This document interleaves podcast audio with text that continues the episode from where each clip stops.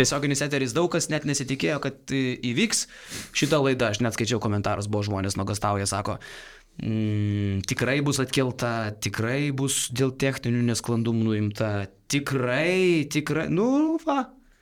Aš manau, kad žmonės turėtų pirmiausia pakeisti nuomonę apie save ir apie mus, nes mes grįžtam ir grįžtam geriausias formos, kokios tik tai gali. Švieži kaip tai gali būti. Va tai tau. Su, Kauna susirenka paskutinius asmenys po KMT, kiek žinau, dar yra likusių. Šiuo metu uždaroji akcinė bendrovė Kauno švara atlieka paskutiniosius darbus ir yra, ir yra iš, išveža, išvežamos, norėjau sakyti šiukšlės, nu ne šiukšlės, vis, visko ten yra. E, bet e, svarbiausia turbūt tai, kad um, tai baigėsi iš tikrųjų. Jo surinkimą daro vakar, išlindau dar po visko į miestą, tai mačiau, kad ten surinkinėja po truputį žmonės, po truputį sklaidosi, bet Kaunas Viesta, Kaunas Viesta po įvykių savaitgalio. Nežinau, nuo ko pradėti, gal nuo to, kad apskritai tai yra tokia fiesta, kuri Kaune buvo po ilgos e, pertraukėlės, ilgesnės pertraukėlės, neilgos. E, Žalgiris penktą kartą iš eilės laimi karaliaus Mindaugo taurės turnyrą. Rytas ketvirtą kartą iš eilės nepatenka į Mindaug karaliaus taurės finalą. Ir iš tų keturių kartų, Jonai, aš tave gal net ir nustebinsiu, kartą rytas net nepateko į finalo ketvirtą, bet tu turbūt tai jau žinojai. Šiaip LRT televizija šį savaitgalį karaliavo, kai pagalvoji, du super e, renginiai e, - Eurovizija, KMT, reitingo prasme, tai aš nežinau, ar kas nors galėjo prilikti. Senais laikais galbūt šok su manim būtų prilygę LRT pagal reitingus. Su Smoriginu, taip? Su Šapru ir Smoriginu, jo. Taip, taip, taip. O dar pridėkim, kad ir Meilutytės plaukimą tai tiesiogiai transliavo. Megas, megas savaitgalis. Tai čia, nežinau, manau, kad Ramūnas Grumbinas, LRT sporto vadas, na, nu, su Eurovizijais nesusijęs, bet ir turbūt ir dėl to šiuo metu šoka ant stalo. Turėtų šokti, turėtų šokti ir po Eurovizijos. Daina tokia, kad verčia šokti, bet jeigu apie reikalus krepšinio, tai nežinau, nuo ko pradėti. Tai, pavyzdžiui... Kas buvo įdomiausia šiaip šitą savaitgalį? Turbūt galim suteikti pirmas pusfinalis, ar ne? Man tai snaiperio konkursas. Trajakui, trajakui. Bet tas snaiperio buvo toks, nu, sugadintas, realiai. Tai dėl to ir įdomus. Pasaulio... Neprognozuotas, kad bus du nugalėtojai. Nu, nieks nebūtų atspėjęs. Bet pasaulio istorijoje turbūt taip nėra buvę. Ar yra? Aš bandau galvoti. Manau, kad nėra. Nu, visada būna peržaidimai. Tai... Nes kaip ir sprendimas buvo viskas teisinga, ne? nu, mes dabar čia galime įvesti žmonės, kurie galbūt praleido kažkokiu būdu. Uh, Sulaimonas buvo paskelbtas nugalėtoju, bet gana greitai uh, išlindo, nu, tiesiog išlindo, tiesiog žmonės stebėjo, matė, kilstelėjo ant akį, kaip ten tie du taškai atsirado vienu metu ir peržiūrėjus na, turbūt ne, ne vieno televizoriui atsisukus įrašą ir pažiūrėjus, kas nutiko. Nu, iš tikrųjų, matėsi, kad du taškai buvo pridėti per klaidą ir turėjo būti ne jisai iškart nugalėtojas, o turėjo būti pratesimas. Aišku, jisai galbūt būtų tapęs ir pratesime nugalėtojų, niekas nežino, bet iš esmės buvo paskelbtas nugalėtojas tada, kada dar jis negalėjo būti paskelbtas. O dėl sniperio, tai žinai, kas man patiko tik tais LKL reakcija, kad nereikėjo dalintis su 3300 per pusę, kad atskirai toks pat prizas e, su tuo su tuo išsisprendė, visi klaidų daro, o kitas dalykas, mačiau, kad žmonės labai greitai pradėjo kaltinti ten pranešėją, nors realiai nepranešėjo, čia yra klaida. Jisai daro savo darbą, žiūrėdamas išvieslinti. Išvieslinti užsidegė tokie skaičiai, ne jisai sugalvojo, kad 10 reikia sakyti. Tiesiog sekretariate kažkas įvėlė tą klaidą. Jam kaip vedančiam renginiui, jam yra sunku su viską sustrateguoti, kaip viskas vyks ir sužiūrėti visus metimus, dar kai tu turi galvoti, ką sakyti. Tai čia pirmiausia tikrai ne arenos pranešėjo klaida buvo. Absoliučiai, aš pernai pats dirbau pranešėjų, šiek tiek trūksta pajėgumų. E, truputį kitaip reikėtų vadybinti e, sniperio konkursą. Akivaizdžiai ir pranešėjų reikia pagalbos, nes aš e, pernai pernai tai turėjau tą bėdą, ausies neturėjau, tiksliau, į ausį man niekas nesakė skaičių, tu turi viską sekti pats, o kai stebi ir sąrašą, kas mes, kas ne mes. Nesąmonė. Kai ir tuos keturis žmonės pats turėjau atsirinkinėti pernai, atsimenu, e, iš to vaizdo, nu tau trūksta, kad tiesiog paduotų lapuką ir tu mažiau apsikrautum dalykais tokiais. Tai čia yra viena bėda, bet vakar ne čia buvo bėda. Čia buvo bėda su sekretoriatu ir čia yra labai geras pavyzdys, LKL nebegalės daugiau padaryti tokių klaidų, nes tiesiog bus jau jokinga kad kitais metais privalo būti bent 2-3 žmonės, galų galiai, jeigu neužtenka vieno, ar ten nežinau, kiek žmonių rašo, tada tą rezultatą išviestinti, kas stebėtų ir atskirai susirašinėtų, kiek yra taškų įmesta.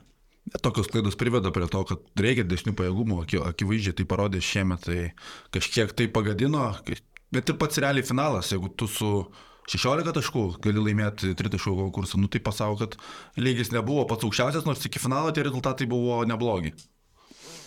Taip, žiūriu, ką čia žmonės, ką ten ant taurės prigraviravo, nu, mes čia taip, jeigu ir toliau, tai atrodo, kad pradėsim kalbėti tik apie blogiausius dalykus KMT, bet šiaip tai, e, okei, okay, mm, yra pliusų, yra minusų, bet šiaip turbūt bendrinė prasme. Nu, reikia pripažinti, kad e, renginys yra labai masyvus, labai didelis ir mes pripratę esam prie to, kad tai yra aukšto lygio renginys.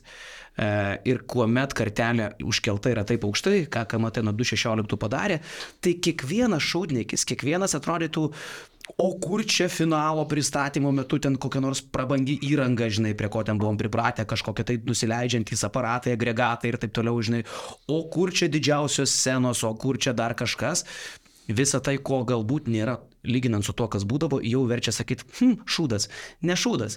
Gal silpniau negu anksčiau, aš sutinku su tuo, bet tai vis dar yra labai labai aukšto lygio renginys. Gal žinai, tas lūkestis yra toksai, kaip uh, trinkieri po rungtynių sakė tą itališką posakį, aš dar vis to posakio nesupratau, ką jisai nori pasakyti. Sako, Italijoje mes turim posakį, negali turėti ir girtos žmonos, ir pilno butelio.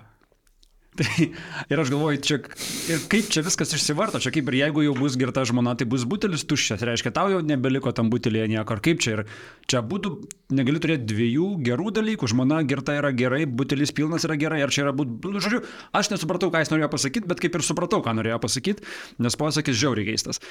Bet esmė, kad iš tikrųjų, jo, yra už tai užkelta kartelė, lūkestis yra didelis. Uh, pat, pats LKL komunikuoja prieš, žinai, koks tai yra renginys, bet iš esmės, jeigu taip imant plačiai, plačiai, pats renginys nesikeičia jau kiek, 8 ir panašiai metų, ar ne? Mes žinom, kad bus pirmą dieną pusfinalis, antrą dieną finalai, žinom, kad snaiperiai bus tarp dviejų finalinių rungtynių.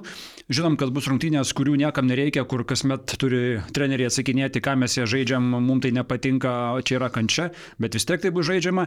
Žinom, kad snaiperių konkurse nebus geriausių snaiperių, nes vėlgi jis yra rengiamas prieš finalą, kur irgi kalbama, bet niekas nesikeičia. Žinom, kad bus daug garso, žinom, kad bus daug šviesų ir visa tai yra, bet iš esmės... Dėjimų konkurso tik neliko lygiai. Jo, jo, pasikeitė, nes pradžioje konkursų. Ir to vietoj trinkierišį pametėjo visą idėją. Aš nežinau, ar NKL ta taurė tikrai būtų įdomiausias dalykas, bet tarkim, ką tik vyko moksleivių lygos žvaigždžių diena, ar ne? Vat gal, pavyzdžiui, moksleivius galima jungti. Vietoj tos trečios vietos, gal, pavyzdžiui, renginys gali startuoti kažkas nuo moksleivių. Tu jas pradedi ten žymiai anksčiau, ar ne? Uh, jeigu skelt į tris dienas, kad penktadienį pusfinaliai, sekmadienį finalai, Tada gal va, šeštadienį tas toks renginys, plus šeštadienį snaiperių konkursas, ne, kur tada visi geriausi gali dalyvauti, nes niekam nėra problemos išleisti savo geriausią snaiperį. Tai va kažkokių tai paieškojimų, kitokių, kitokio prieimo gali jau pats laikas, nes jau nu, renginys tarsi tampa nuspėjamas, tarsi viskas su juo aišku, viskas žinoma ir tuo pačiu tam tikri trūkumai, kurie yra kartojami, kaip minėjau, metų iš metų, nu jie nesikeičia ir nes yra randama pasiteisinimų ir pasiaiškinimų, kam reikia tų rungtynių, pavyzdžiui, nu, tik, tikrai niekam nereikia. Ten Milašius buvo mintis, kad... Dėl trečios vietos? Jo, jo, jo. Nu, gerai, bet jeigu Žalgiris 2.18 finalo ketvirtį nebūtų turėjęs rungtynių su CSK dėl trečios vietos, aš suprantu, kad sąskaitą jų nereikia. Bet, bet tu čia, tai bet tu čia, kaip jų reikia? Bet tu čia lyg... Aš ir šiauliams šiauliai net, vakar labai net, norėjau. Net ir to nereikia, bet tu lygini, žinai, ilgą sezoną Eurolygos su taurės varžybomis, nu, kurios yra tiesiog niekas pasaulyje nežaidžia taurės varžybose dėl trečios vietos. Tiesiog to nėra. Argumentas buvo, kad čia vat, kai kuriem klubom nuėjus į savivaldybės parodysi tą pasiekimą šitos vietos. Ar tikrai rytas kaip pasiekimą parodys, ar šiauliai, šiauliai pas, pasiekimą. Bet šiauliai gali pasiekimą parodyti patikimas į finalo ketvirtą. Ir tada jau tu žinai, ar ten tu trečias ar ketvirtas, o galbūt čia nugalėjęs rytas, žinai, bet nežaidėm pasiekimas finalo ketvirtas. Tai čia iš esmės, jeigu tu pereinu to, prie to pačio formato, kaip jis atrodo savaitgalį, bet čia reiktų dar žiūrėti, kaip ta pati taurė atrodo nuo pat pradžių. Nu, nes tas modelis, kad tu pradedi nuo grupių, pereini į ketvirtfinalį serijos ir tu žiūri serijoje, kas įmes daugiau taškų, nu, čia nėra taurė, čia yra daugiau primena lygos, lygos formatą. Šiaip man taurė, sakau, būtų smagiausia, didžiausia šventė, gali sakyti, kad bus neįdomių rungtynių, bus ir panašiai, bet jeigu tu susirenki aštuonios geriausios komandos, ketvirtadienį dvi rungtynės, penktadienį dvi rungtynės, šeštadienį dvi rungtynės ir sekmadienį turi finalą, nežaidė jokių trečių vietų, pralaimė ketvirtfinalį, išvažiuoja namo. Man čia yra geriausia šventė, Ispanijoje tai yra veikia daug metų ir man tai čia būtų idealus scenarius, kad nuo ketvirtadienio viskas prasideda, po dvi rungtynės per dieną ir tu pabaigi visą šventę sekmadienį. Bet dar žiauriau, tada sekmadienį komanda viena, kuri žaistų finaliai, jinai žaistų trečią kartą per tris dienas. Tai visą laiką yra Ispanija, bet niekas dėl to nesiskundė, ten tu pradedi penktadienį, šeštadienį, sekmadienį, bet taip jau tu eilę metų viską tą atintas. Yra galbūt overrated dalykas, kad tu tris dienas išėlės žaidži, kiti žaidžia dvi dienas išėlės, vieną turi laisvą, bet ten per tą dieną nelabai ką duoda. Tai man atrodo, kad šitas scenarius... Nu, bet šitas buvo, atsiminkim pačioje pradžioje. Buvo per vieną dieną keturios rungtynės su grupė. Turėjo ketvirtą, jo, turėjo pačią pirmą dieną, turėjo keturias rungtynės, dar atsimenu tą kankinę. Tai čia kankinė yra. Džipė vyko tas pirmas atvejis. Tai ir kaip žiūrovui, ir kaip žurnalistui, ir turbūt kaip renginio organizatoriui ten buvo ne, tai labai... Pirmą dienos, jeigu pradedi, pabaigi 12, ne. tai ten, ne, reikia per, per, paskirstyti per dienas. Bet sakau, lūkestis yra labai stipriai iškeltas ir tas, man atrodo, kažkiek galgožė, nes kiekvienais metais vis kažko tikėsi. Aišku, galbūt ir gerai tos kritikos yra, tada LKL negali taip labai gerai apie save galvoti, kaip čia gal buvo užsiliuliuota per tos kelius metus, kažkokių naujovių reikia, bet, bet skau, renginys iš esmės vis dar yra elitinis Lietuvos sporto masteliu. KMT mes dažnai sakom pats e, gal net gražiausias taurės savaitgalis, kaip jis yra parodytas, įpakuotas, kaip jis nufilmuotas, kaip jis pateiktas, apšviestas, netgi gal ir visoje Europoje, tu matai taurių savaitgalį uh, Serbijoje, tu matai taurių savaitgalį Ispanijoje, Prancūzijoje, Turkijoje, tik tai vienintelis skirtumas, ten krepšinis turi šiek tiek kitą svorį. Ir aš Velnės kaip su pavydu žiūriu, kaip tarkim Madrido Realas laimės Copa del Rey, ne? Kaip jisai tūsina, e, kaip Ten jisai laužo, rūbinę, realiai laužo iš lūpo tavarešas e, lubas. Matėt, tiesiog rankose lubas laiko žmogus, nes tu nugalėjai Barsą, kaip tūsina Zviesda, nes nugalėjo Partizaną, kaip tūsina Feneris, ten Šaras matosi pilnas, pilnas kelnes laimės ir visi ten nuoširdžiai ošia, nes tu nugalėjai Efesą. Nu ir kaip bebūtų, Žalgeris nugalėjo Lietkabelį. E, tai yra ir, ir, ir, ir tu matai Žalgerio krepšininkų veiduose, kad jie, jie užsidėjo varnelę, jie padarė darbą, jie nukasė tą bulvių lysvę, nes močiutė liepė, nes jeigu nenukasi, va tada bus blogai. Bet šiaip tu negalėjai jos nenukas, tu turėjai tai padaryti. Ir kad ir kaip bebūtų, bet va toks yra Lietuvos taurės lygis, kad pas mus krepšinis yra antram plane ir tik todėl mes laidą pradedam ne nuo to, nuo ko greičiausiai Ispanijoje, Turkijoje, Serbijoje prasidėtų jų podcastas, nes jie sakytų, bliat, koks finalas. O pas mus Fainas garsas, geras kubas, puikus mini siužetai, viskas yra nuostabiam popieriukė. Nu, bet krepšinis, nu, dėl Dievo meilės, nu, mes jo tiesiog neturime, mes galim savo meluoti ir sakyti, kad čia viskas normaliai, viskas fainai, bravo šiauliai, jie, yeah, super, šaunuolis rytas, nes, oi, sorry, šaunuolis lietkabilis, nes nukalė rytą, žinai, um, bet tai ir viskas. Iš esmės, tik tai lietkabilis uh, padarė kažką, ko mes nelaukiam, žinai. Jeigu taip ieškosi staigmenų, nu prie ko prisikabinsi. Uh, Prancūzijoje, sakytum, pažiūrėk, kaip Paryžius toli nuėjo. Italijoje, va, Neapolis, žiūrėk, kokią sukūrė pasaką pas mus. Blemba, Gagičius čia kietai pavarė, Danielius Lavrinovičius čia į pusfinalį snaiperiuose pateko, va, snaiperių konkursė ten kokia bėda, žinai, turim apie ką kalbėti, nerezultatyviausias per 26 metus snaiperių konkurso finalas, vienas tik buvo nerezultatyvesnis. Viskas mes apie ką čia net nešnekam, žinai. Tai tik toks minusas. Esminis, ir gal riebus. Esminis, sakyčiau, minusas. Jo.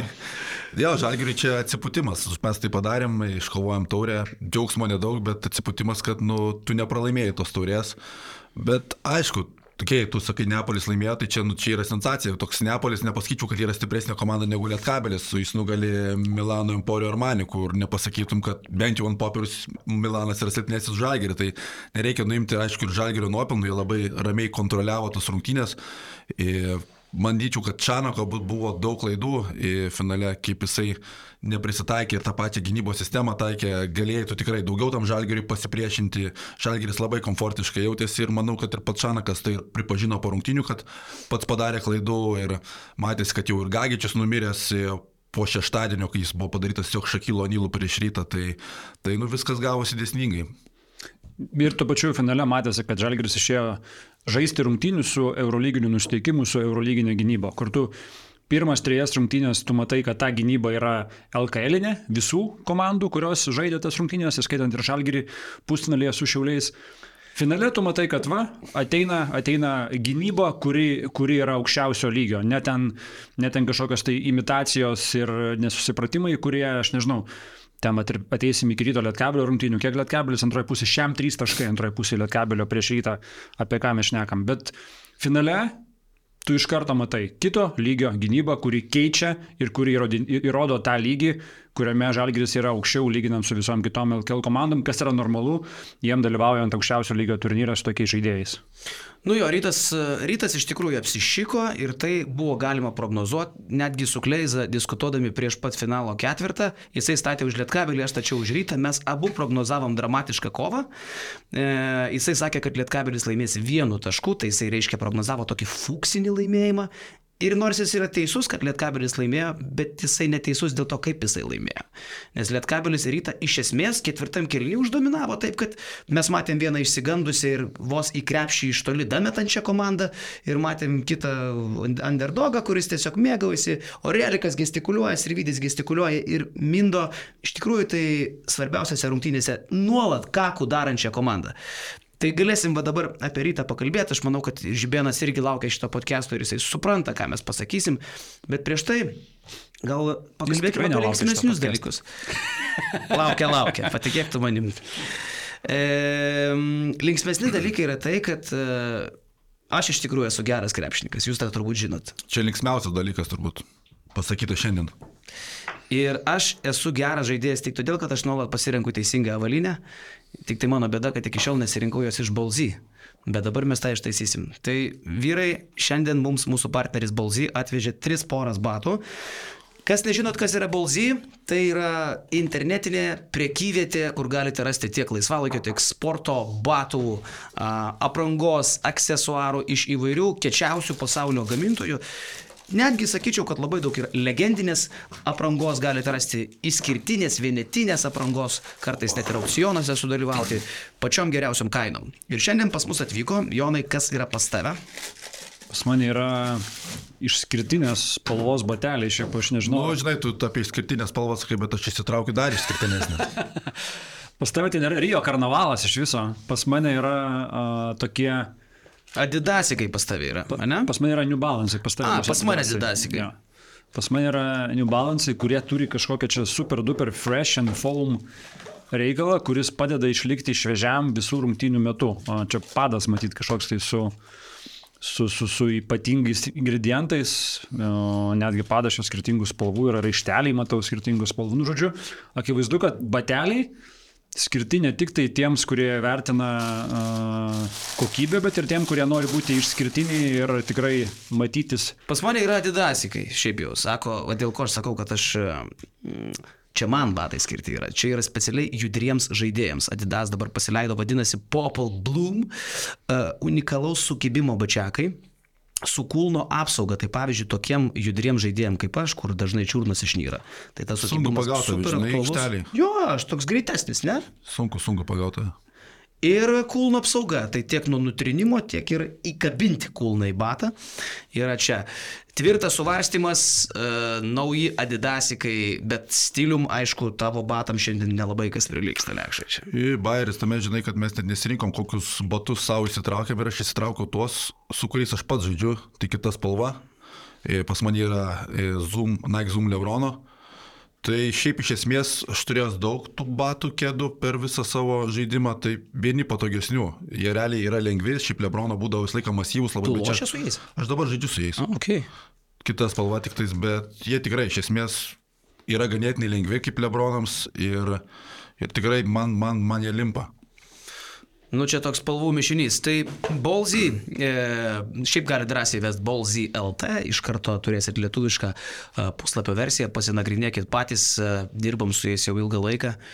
Ir mintam iš jų jau irgi ilgą laiką. Ir bent jau aš tai perku iš jų, nes e, tikrai pasirinkimas turbūt yra didesnis negu, negu bet kur kitur, ką, ką, ką lengva atsisiųsti Lietuvą ir ką paprasta atsisiųsti e, labai skirtinių ir daug įdomių modelių, batelių. Ir sakau, čia tikrai yra irgi tokie, kurie, o, na, iš netokie minkštesni. Ja. Tokie, kurie žmonėm, kurie nori galbūt net savo bateliais nustebinti labiau negu žaidimu. Žinai, kai tu esi toks nekoks žaidėjas, bet tu nori būti stilingiausias aikšteliai. Tas, jo. Šitai girdėjau, kėdai šeštadienį vakarė susilaukė dėmesio iš žmonių. Kodėl? Uh, man net prieidavo žmonės ir sakydavo, matėsiu, kokiais kėdais karolis. Jo? Yeah. Man niekas nesakė. Man sakė, sakė, ar tu matėjai, juodą, baltą, raudoną, ką iš kaunės tokiais kėdais. A, bet matai, vis tiek akis nedrįsta.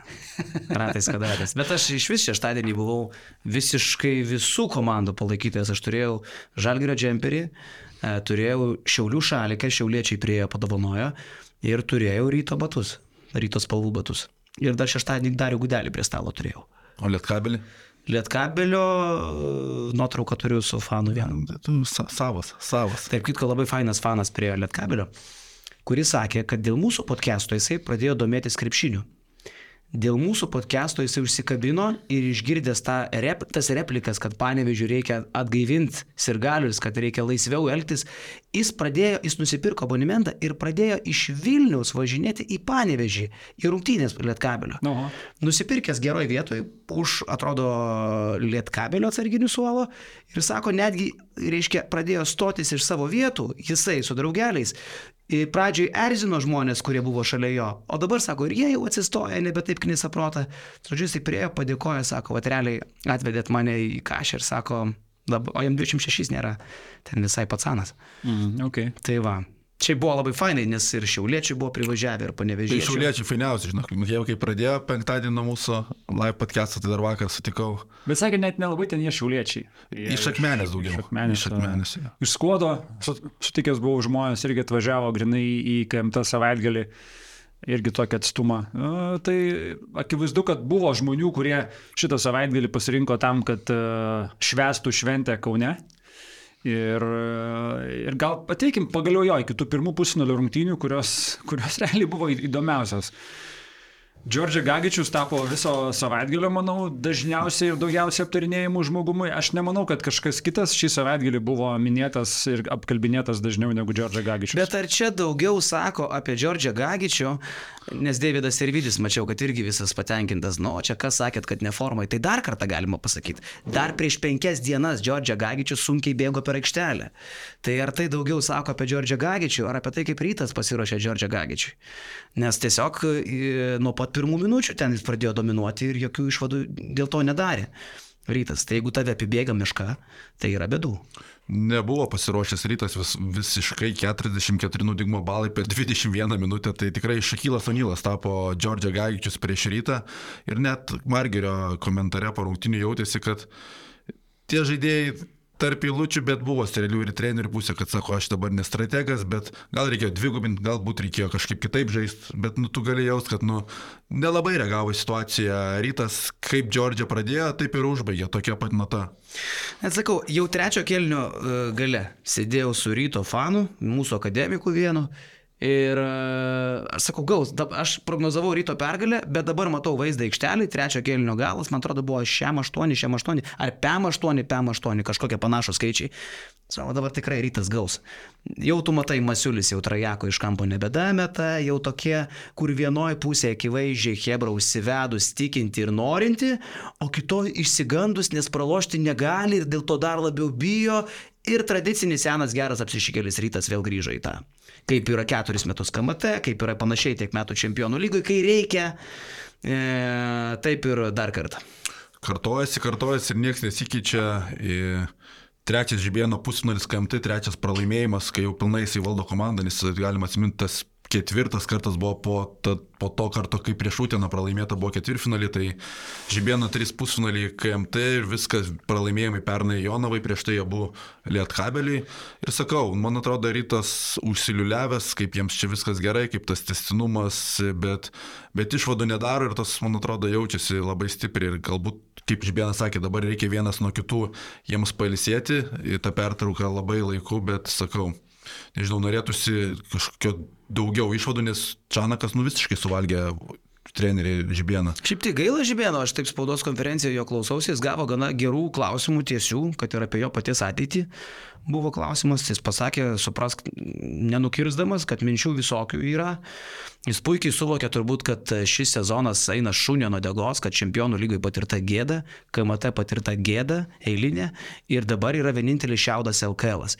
Ir Žibas pasakė tokius žodžius, paklaustas, kaip jis turi finišuoti šitam sezone, kad e, dar kažkaip atpirkti šito jau padarytas klaidas ir kaltes, jis pasakė, kad su skambiu, skambi pabaiga turi būti. Tai man atrodo, kad patekimas į finalą nėra čia toks jau ypatingai skambus finišas šitoje vietoje. Ar čia jau būtų toks skambus, kad išpirktų e, viską, kas, Tai kas skambus vyksta. turbūt yra tik tai LKL titulas. Aš galvoju, kad Čia tik tai titulas. Skambių dabar dalykų negali būti. Taip kaip atrodo Vulsai, čia juos tiesiog privaloma nugalėti šiandien dienai, nebent kažkas kardinaliai pasikeistų. Gaus malko rytas nuo mūsų. Taip kaip atrodo Lietkabelis, tai yra ryto lentynos komanda, tu ją turi nugalėti, čia joks neskambesys. Tu turtingesnis, pradėkim nuo to. Tai aš matau tik tai pergalę prie Žalgirį, kas galbūt išsaugotų Žibėnų kėdę. Kitoje vietoje aš manau, kad skirybos su Žibėnu neišvengiamos yra. Aš tą patį sakiau prieš kamatą, kad jeigu taip atsitiks, kad Žibas out. Vasara. Ir žinai, turi rytas geresnę komandą negu pernai ant popieriaus, tai tikrai ir ta komanda nežaidžia savo žaidimo, Fosteris prisijungė, galvojom, kad čia bus tas boosteris, kurį rytą pakels dar aukščiau, bet su Fosterio prisijungimu atrodo, kad kiti savo vaidmenis nusėmė, galbūt kažkiek ir jaučiasi užgošti. Nu ir, pažiūrėjau, Kaulas, kaip atrodė tam visam savaitgalį, nu, tai tikra tragedija. Nors Ardžiai Kaulas buvo vienas tų pagrindinių žaidėjų sezono startė, Vienas iš 17 metimai Kauno. Neįtikėtina. Ir tas komandos valdymas, nors tikrai lyginant su praėjusiu metu žaidėjais, Kaulas savo meistriškumu tikrai yra geresnis nei Friedrichsonas ir tuo labiau negu Varadis. Tai, nu žinai, kažkas, kažkas neveikia ir rytui reikia labai rimtai susimastyti, o kalbant apie... Bet gal čia, Jonai, tu sakai, turi rytas tikrai gerą sudėtį ir geresnį. Bet gal čia kaip tik yra lyderystės trūkumas. Po, iš esmės, po Arno Butkevičiaus iš, išvykimo ta komanda neteko vieno vokalaus ir patyrusio krepšininko. Šiemet vyriausias žaidėjas yra du vyriausi žaidėjai po 28 metus - Radzevičius ir Fosteris. 28 metai tavo vyriausiam žaidėjui neskamba gerai. Tu turėtumai turėti daugiau patirties, daugiau lyderystės, daugiau mačiusių situacijų krepšininkų, kurie tokiais momentais, net netokiais, dar prieš turnyrą kažkaip tą komandą suburtų ar įkvėptų pasitikėjimą ar dar kažko. Ir dabar, žinai, kalbėjai apie tą patį RJ Kaulą, jam 24 metai. Jisai turbūt pirmą kartą kažkokiam panašiam renginį dalyvauja. Tai Gal čia, gal, gal čia yra problema, kad jie susirinko per jauną komandą. Ir tai jaunai komandai trūksta lyderystės. Uh, žaidimas yra atviras ir gal pernelyg atviras, gal kažkokios irgi tvarkos trūksta ir, ir dėl to nesikliuoja tie dalykai. Man tai net patiko, su kokia nepagarba Lietkabelis atėjo žaisti prieš rytą. Kad ir tas pats Dovė Bičkauskio, tikrai patyrusio žaidėjo gestas, jis masiulį perlipo, atrodo, ne? Mm. Tu tiesioginė prasme lipi per galvas, bet ne tik tai, kad lipi, bet dar ir kabančius siūlai pavostyti. Tai yra stipru. Viena vertus tai yra techninė pažanga ir gali sakyti serbiška gal net kažkiek, ne, Čianako gal mokyklos čia yra ir negarbinga, bet kita vertus tai yra provokacija. Vėliau Gytis Masiulis, aš nesakau, kad tai yra susiję, bet darė kakų visą finalo ketvirtą, kaip ir pusė ryto komandos. Į kelnes tiesiogiai, kaip Usmano Garubos kažkada dryžės matėsi ant šortų. Taip ir čia. Nu ir vieni atėjo lipti per galvas ir siūlyti pavostinti kabačius, kad ir, kad ir su techninė pražanga prieš akį.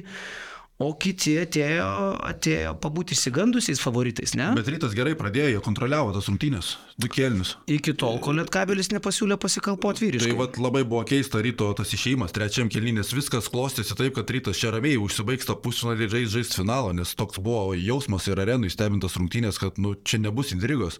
Tai kaip ir leido rytas lengvai trečio kelnio pradžioj pradėti Lietkabelių žaisti, o Lietkabelis jau šį sezoną yra nekartai rodęs Europos tauriai, kiek jie tokių rungtynių turėjo, kur atsilikinėja dviženkliais skirtumais ir sugeba sugrįžti, tai tie Lietkabelio veteranai, tu juos turi puikiai žinoti. Tai, tai ryto tas, sakyčiau, rytas pradėjo trečią kelnį su didelė nepagarba ir užsiliuliavimu savo. E, šiauliai su žalgiriu. Po, buvo toks jausmelis bent jau tribūnose, kad pirmą kėlinį pakikenom su Miklovo tėvais, nu, jie gal labiau įsitempę buvo. Aš taip dar ten iš šono, su žmonėm dar jokinga. Antras kėlinys buvo truputį nejokinga jau, nes taip žiūri, kad šiauliai 13 taškų persvarą, man atrodo, net vienu metu turėjo. Nu, bet tada jau rūkomajam laukia, ten su Žalgirio fanais irgi šnekam, sakau, laimės trečią kėlinį Žalgiris 14 taškų maždaug. Tai gal ten panašiai kažkas ir buvo.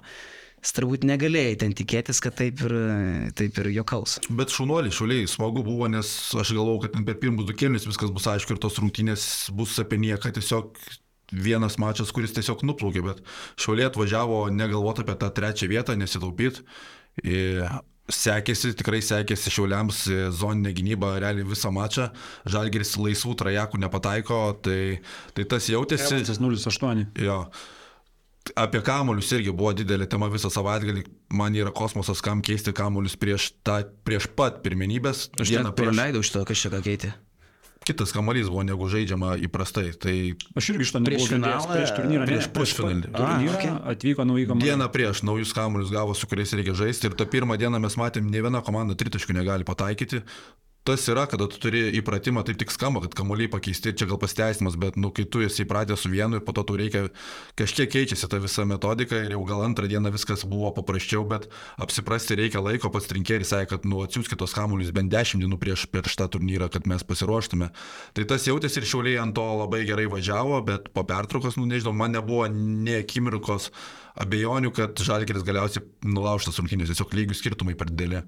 Nu ką, ką dar galima apie KMT pridėti? E, Prototo, girdėjau, ne visiems patiko. Aš pats, kadangi antrą dieną per teliką padalyvavau, tai e, žinau, kad Hebra labai įtūžo dėl pirmo, paties pirmo klausimo. išnešiu visus arenai žaidžiau. Bet aš nesuprantu, kaip jie taip pradeda tą. Geriau jau tokį, tokį failą kažkur vidury įdėtum, bet pats pirmas klausimas ir tu jau susinervuoji ir nebenori žaisti. Pusfinalį pradėjo nuo klausimo, kuris žaidėjas, ar Macijauskas, ar Sirvidis NBA istorijoje yra sumetęs iš viso daugiau taškų. Pirmas, klausim, pirm, e, pirmas variantas buvo Sirvidis, antras Macijauskas, trečias abu po lygiai. Atsakymas abu po lygiai, po 44. Koks debilas gali šitą faktą būti įsidėjęs savo į galvą, kada nors gyvenime? Buvo tiesiog atranka, kad atkriskit, likit 50 žmonių ir tada žaidžiam. žinai. Jo. Ne, ne, aš tai įsivaizduoju, žinai, kaip aš įs- įsivaizduoju, kaip tai vyko, žinai, žmogus sugalvoja, kad paklausiu tokį klausimą, paieškosiu, googlina ir, ir sugooglina, kad po vienodai ir wow, koks įspūdingas faktas, reikia dabar šitą faktą dėti klausimą. Kad tai yra niekam neįdomus faktas, tai... Bet tu gali, žinai, nu tarkim, nu ne taip sudaromi protmušiai, galėtų, aš nežinau, ar profesionalą pasamdyti, kuris klausimus supranta, Tave, kaip jie susidaro. ar ne? Aš net, nu, ko gero galėtų ir mane, bet yra ir daugiau žmonių. Tu gali tokį patį klausimą užduoti pavyzdžiui. Davidas Sirvidis NBA lygoje sumetęs 44 taškus. Koks dar lietuvis lygiai tiek yra sumetęs? Jo, jo, ir visai kito lygio klausimas, nes tada tu suvedinėsi ir variantai ten galėtų būti, nežinau, Macas, Jaska ir ten... Andriuškevičius. Andriuškevičius. Va čia yra klausimas. Bet tu įdedi klausimą, kur tu turi žinoti, kad kem keturis abu sumetė. Nu čia yra wow. Vakar ką ten dėjo su, su klausimu apie tai, kuris iš šitų lietuvių nėra tapęs Eurolygos MVP. Šiškauskas. Kuris yra Yra. Šiškauskas. reguliariojo sezono MVP dar pabrėžia. Tu tu Šiškauskas, Sabonis ir koks dar, dar kažkoks naunėjimas. Ir dar kažkas, bet tu žinai, Gal ir neimas, bet tiesiog nėra tapęs. pabrėžia Eurolygos reguliariojo sezono MVP, šitas apdovanojimas buvo panaikintas iškart kitą sezoną, kai Sabas įgavo. Tai čia yra, Šiška neturi Eurolygos reguliariojo sezono MVP, jis turi Eurolygos sezono MVP. Eurolygos reguliariojo sezono MVP turi tik tai Sabonis. Tai aš reikėjau, mes su Vaidu žaidimo, Vaidas paspaudė Šiškauską ant greičio. Žinai? Aš tau garantuoju, kadangi tai yra pirmas klausimas, tai čia buvo nedabaigtas darbas. Jie turėjo pakeisti į nėra tapęs Eurolygos sezono MVP. Mat tada būtų Šiškas, Sabas yra ir trečias atsakymo variantas būtų teisingas. Jo? Taip. Tai jo, sakau, tai Vaidas suklydo, paspaudė Šiškauskas, pasirodė, kad tai yra teisingas variantas. Nuvarėm su jo telefonu iki dešimto paskutinio klausimo, liko ten 70 žmonių, sakau, Derikas Lau ramiai spausk ir ant dešimto klausimo jiem nepasirodo tie variantai, jūsų laikas pasibaigė. Tai dar buvo liūdniau. Taip, toks numeris. Jo, tai su prototo nežinau, kažkaip anksčiau jie tikrai gerai padarydavo, dabar ir tu, aš matau, kad tie klausimai skysti, juos ten sudarinėjo kažkoks tiesiog nesuprantantis dalykų žmogus, arba neturintis laiko, arba išgėręs stipriai. Tikrai, nu čia per nagus turi gauti, kas darė šitą nesąmonę. Tai va, e, tai iš, iš tokių riebiausių turbūt minusų ir lieka šitas e, prototo. Nu, turbūt Trajako klaida gal didesnis minusas vis tiek, iš, es, iš esmės. Mhm. E, Aš dar pasižymėjau iš to, kas man patiko. Tai e, šau per pertrauką sugražino, jau antrus metus iš eilės LKL sugražinės yra į KMT šau, tikrai masyvus, netgi šiek tiek priminė tokią pigesnę biudžetinę Super Bowlo pertraukos versiją, kur vyksta kažkoks jau toks įdomesnis net ir su scenarijum, žinai, iš mašinos panai išlipa. E, Bičias nusileidžia su lynu, gitarą dega pas jį, žinai, eina purslai, vaikų šoka aikšteliai, ten daug, gal šimtas, žinai, tokia masovkė padaryta. Nu, man netgi sakyčiau, kad būtų gera idėja turėti masinį ir gal net vis brangstantį pasirodymą, o kodėl negali LKL padaryti Super Bowlo principų, kad laukia pertraukos. E, ir kiekvienais metais kažkas vis prabangiau įvyksta. Man patiko, aš neišjungiau. Aišku, gal truputį buvo jokinga, kai pasibaigė šau, akivaizdžiai nebuvo jokios vinietės, nieko ir kamera toliau rodo, kaip laidų surinkinėja ir viskas kyla į viršų, ten tie visi šūdai, kurie buvo reikalingi parodyti šau, žinai. Tai va, aфиgenai atrodė kubas, didžiausias istorijoje kubas buvo padarytas. Žalgirio arenos kubas dar apdėtas naujais e, dideliais ekranais, tai jis buvo dar padidintas gal du kartus, ne? Jo, bet aš dabar galvoju, man kas patiko, kad 13 tūkstančių beveik žiūrovų finale čia nebus didžiausias skaičius per visą istoriją kente. Kažkaip man atrodo, kad Žalgirio arenui, kai vyko KMT, kad ten buvo dar daugiau, bet reikėtų patikrinti. Nu, nes šitas nustebino, nes pusfinalis, pusfinalis atrodė liūdnai ir čia irgi galima biški prikipti 5000 žmonių, okei, okay, kiek jų yra, tiek yra, bet kam tada tu už krepšių palieki tuščią, o komandų sirgalius, ryto ir lietkabelio siunti į tą trečią aukštą. Tai vien jau tas vaizdas per teliką kitoks būtų, jeigu už krepšių būtų palikta ryto fanams, o kitoj pusėje lietkabelio fanams, nes dabar tos vietos buvo tuščios, o jie turėjo ten iš kosmoso žiūrėti ir skanduoti, tai ta atmosfera nu nesijauti jos, nes jie labai aukštai buvo pasodinti tiesiog. Dabar skaitau komentarus, Lievas, tas halftime show ir taip toliau, žiūrėkit, nu, Įslievas yra iš tos perspektyvos, nebent, kad tai vis dar yra maža biudžetis pakankamai pasirodymas, nu tai nekainuoja super daug pinigų. Aš sakau, kad idėja yra gera daryti halftime show, jisai nebuvo mega grand, wow, ir tu nepalyginsi jo su didžiausiais ir brangiausiais pasaulio halftime show, jokių būdų. Bet kaip mūsų rinkoje tai buvo pakankamai neblogai padarytas reikalas ir aš matau perspektyvų iš to padaryti ir įspausti dar daugiau, gal net parežizuoti ateityje. Tai nebūkite tokie surambėję, supuvę, kur viskas jums visą laiką yra blogai. Neblogai, visai neblogai, ne kažkas tai stebuklingo, bet tikrai lietuviškais maštabais, manau, Europoje tikrai nerasi, kas geresnį halftime show turėjo iš visų taurių. Taip kad neapsišykim nesusikim vėl su savo negatyvų komentaruose, nes labai populiaru kažkaip tai, ką be žmonės bedarytų, visą laiką nurašyti, kad tai yra blogai. Kas dar smagu tokiuose dalykuose matyti, tokiuose renginiuose matyti, tai yra tas žymybės, tos karjerą baigusius krepšininkus.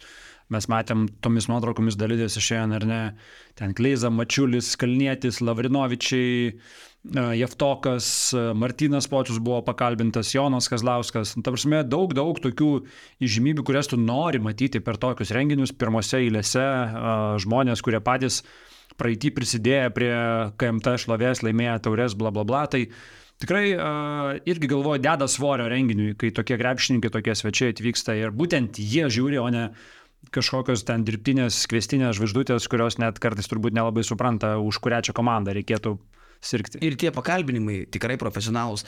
Tautvydas Šlešas tos klausimus galvoja, man patinka, kad ateina žmogus Ir jeigu jis yra kažkokios ryties atstovas, klausimai parinkti pagal tą sritį. Pociui apie skautingą, pačiesui apie treniravimą. Šiaip pačias Santeros buvo geriausias, jaučiu. Iš, tų, iš, tų, iš tų visų trumpų aš tikrai nemačiau visų, visų, visų, bet iš to, ką mačiau, kai kurie man ten, žinai, būna perlenkti ir perspausti ir gal... Nu, čia šležas, jisai stengiasi ir kartais persistengia, bet įdomus, bet su pačias, kitas, bet su pačias, kitas taip nešneka. Pačias nuostabiausias. Du klausimai, idealus klausimas buvo. Ja, ja tai asmenybei, kokį reikia, reikėjo užduoti tą klausimą, tai su pačia su tikrai pritariu, patiko. Jo, uh, žinau, sunku yra iš tikrųjų vat, daryti tokį darbą, kurį Leliuga darė, kada kalbi ir arenai, pavyzdžiui, apdovanojimus vedi ir dar žiūri, ką ten Liumienė su Milašin rodo, ką ten nerodo ir taip toliau. Ir tikrai daug kas blaško, tai tą padaryti sklandžiai, aš tai mūjų jausi, nėra lengva. Reiškia, kad tu ir nenusišnekėtum, ir mintis būtų gera, ir arenai padirbėtum, ją užvedinėtum, nes tuo metu jisai ne tik tai telikų išneka, bet ir arenai, ir kreiptumėsi į žiūrovus ir dar kažką protingo pasakytum televizijos transliacijai. Tai tikrai turim pro e, šitoje vietoje žmonės. E, vėl dėl arenos pranešėjo, mačiau irgi buvo klausimų. Skonio reikalas e, man buvo visai neblogai, man gal tik užkliuvo keli tokie Vladelio bairiai, pavyzdžiui, jisai veda citadelę metimo iš vidurio konkursą, aš net pasižymėjau vieną frazę, neįtikėtiną frazę. Ateina Vladelis į centrą aikštelės ir sako, atrodo gal nuvalkėta, bet tai yra būtina padaryti per didžiausius renginius. Mesim iš vidurio aikštės, na, senitas, biškai pagalvok, ką aš tik žinai, nes, nes iki tol, kol pasakei, tai niekam netrodė nuvalkėta, bet kai pasakei, jo, čia nuvalkėta, tai fui, kam dar reikia. Kita vertus, jisai paskui veda tą metimo konkursą ir tikrai visai fainai e, inicijavo, kad žmogus metantis iš vidurio būtų pasitiktas tribūnų to o ir tada meta, žinai. Uh, Bet žinai, Vladelis. bet kai kreipiasi į žiūrovus kolektyvas, man vis tiek tas mane gražina į, į vestuvės, kuriuo aš nekenčiu, žinai.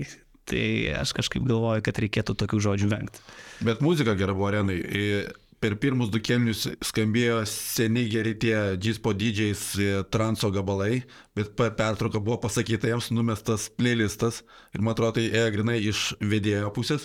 Tada prasidėjo iš lietų leidžiasi saulė, rondo ir, ir visa kita. Tai tada arenai pradėjo pakarėlių užkurti. Tai, tai tas buvo smagu ir po to visą savaitgalį liko ta muzika. Kitas dalykas, nu, Žalgeris panašu, kad pagaliau turi gerą naują skanduotę. Girdėt? Girdėjau. Uh, Stokitės visi, visi, jie palaikot žalgerį, man atrodo. aš kai tik išgirdau uh, uh, ją per pirmą pusfinalį su, ryt, su Šiauliais, per antrą pusfinalį šiuo atveju Žalgeris Šiauliai, ten dar jinai taip tyliai prasisuko, niekas nesureagavo, nes niekam neįdomu čia tos rungtynės. Bet žinok, net ir Bet kai išgirdau, mano pirma mintis buvo, va čia Eurolygoje šitas bus super. Žiauriai Eurolygoj. Atsistos visi ir čia bus žiauriai gerai ir tik tai tegul netredžia kauniečiai kelnes ir kyla į savo vietą ir nesiparina, kad koks durnelis už nugaros prašys atsisėsti. Jo, jo, čia jau ta tokia daina, kur tu jo tikrai gali dainuoti, žodžiai nesun, nesunkus, tai man atrodo per Eurolygą bus labai labai smagiai. Jo. Tai tikrai super, matau, klausimas yra, kodėl vedėjas per apdovanojimus vardinant komandos sudėtį ir vadovus e, paminėjo, paminėtas buvo ir Benkunskas prie ryto. Tai paminėtas buvo ir Rytis Mykolas Račkauskas, Panevežio meras, ir Matiešaitis buvo paminėtas, ir Visotskas, Šiaulių meras, visi merai buvo paminėti. Tai čia tik, tai, tikrai ne tik Benkunskas, ir jie visi buvo pakviesti. E, Mačiau buvo ten irgi, kodėl Martinas Pur, o ne Martinas Purlys, tai paprasčiausiai tai buvo dėl to, kad uh, nutraukė kažkas tai mikrofą Sugedo mikrofonas. Kaž- Ar ten kažkas, tai čia tikrai nevedėjas. Uh, man Panašiai- keista, kad prie panašiai- ryto nebuvo pri- paminėtas Darius Gudelis. Visi, visi. Žalgeris Jankūną atsivedė, gal aš nežinau, Gudelis gal neturi oficialių pareigų ar kaip yra.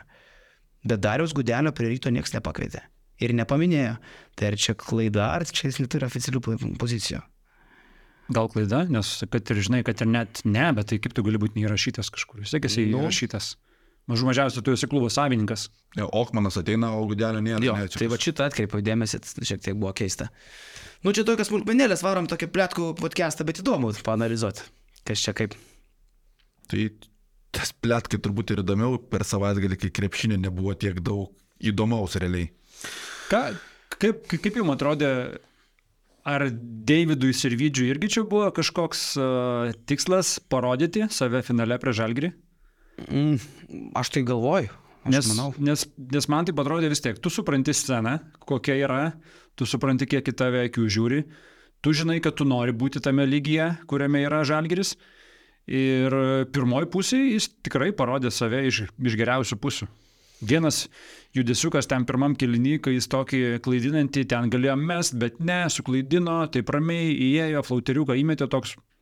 Wow, wow, Žiauriai wow, wow. patobulėjęs, dar ką tik buvo bičias, kur atrodė tik tai tritaškius gali mesti, o šitam sezonė mes žiūrim į jo ir pirmą, grei, pirmą žingsnį super greitai ir apėjimus, ir judesius, verpstės, e, eurostepus, nu ką tik nori, atrodo, kad dar kai kamaliuką pradės e, geriau varyti, tai iš vis turėsim tą jau tokį dar labiau į krepšininką panašų krepšininką Lietuvoje. mega žaidėjas darosi Sirvidis, šiaip žiūrint, kaip jisai atrodė toj pirmoji pusė, okei, okay, antroji jau ten vis, visiškai buvo jisai surakintas žalgerio gynybos, nes pagrindiniai akcentai ant Oreliko ir ant Sirvidžio. Orelikas irgi fenomenas, e, kaip jisai sugeba taip būti smaugiamas ir vis tiek atlikti, būti naudingas komandai, aštuonis asistus išdalino po to ir susimeta savo taškus.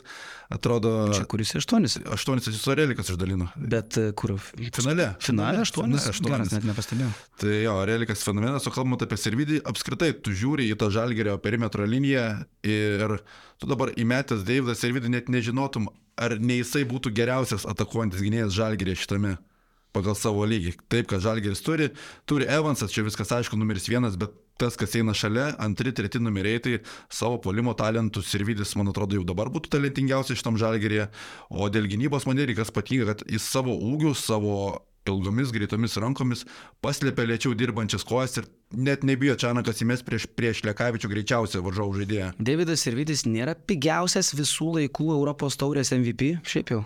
Jis nėra MVP. Nu, top scoreris. Skoreris.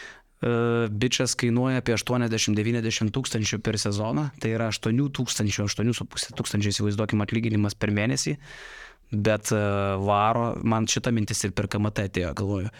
Žmonės, tavarsime, panevežį, jūs turit uh, tiesiog perlą, už kurį mokat kaip už, uh, ka, už kas kainuoja tiek pinigų šiaip. Žalgerį galvoju. Čia kas samnerio mėnesio ilga? Samnerio gal, nu, poros. Poros mėnesių. Pusantrą. Pusantrą Poros mėnesį. jau čia ne, bet daugiau būtų. Fantastika, kaip jisai atrodo. Ir tuo pačiu, kai jisai atsistoja, dirbs penkis kart didesnį kontraktą. kai atsistojo prieš Samnerį, nes rungtinių pradžioje jie labai daug žaidė vienas prieš kitą, koks atrodė mažas Samnerio kūnas prieš Sirvidžio kūną. Tai pozicijoje žaisdami abu, Sirvidis e, bent jau per teliką, aš finalą žiūrėjau per teliką, tikrai di dideli dydžių skirtumai tarp jų dviejų buvo.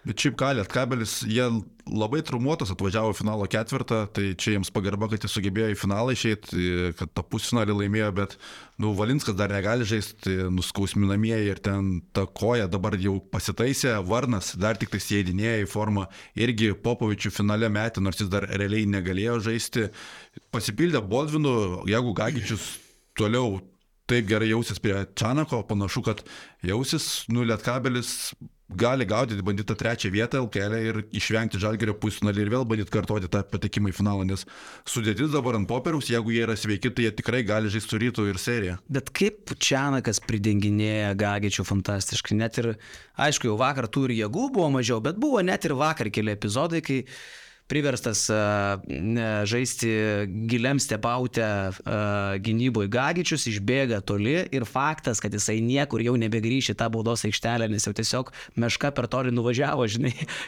E, tai gerai, nu tai įrašai eina. E, bet esmė, kad e, jį pridengė ir iškart pasiruošęs, atbėga Bičkauskis, pasitinka žalgerio nusileidimą, pikenrolinant, žinai, į baudos aikštelę ir jau turi nusimest kamolį žalgeris kažkur, tai, žinai, nes nepriėmė birutis kamolio patogiai. Čia... Tai Čianakas tiesiog puikiai žino, kad jis turi sunkų lėtą bokserį, kuris nevažiuoja, nu, ar ten koks, koks dar didesnis tankas yra. Nu, žodžiu, labai sunki mašina, kartais ir neužsiveda, bet kai jau kai užsiveda, tai jo fana. Ir jisai jį pridinginėja. Tai gerai Kleizas sakė, nu nėra kito trenerio, pas ką šitą mešką būtų galima taip išmokyti virtuoziškai kamoliukus mėtyti. Tris. Mačiau, kad jau ir, ir buvo žmonės, kurie perdainavo ryto dainą geresnio dueto už Neną Čanak ir Džordžią Gagičią, aš nemačiau, nemačiau, tai čia tikrai sutinku, Blemba ir tas Gagičius, kaip Čanakas apie jį kalba, sako, koks jis rytoj bus po pusfinalio.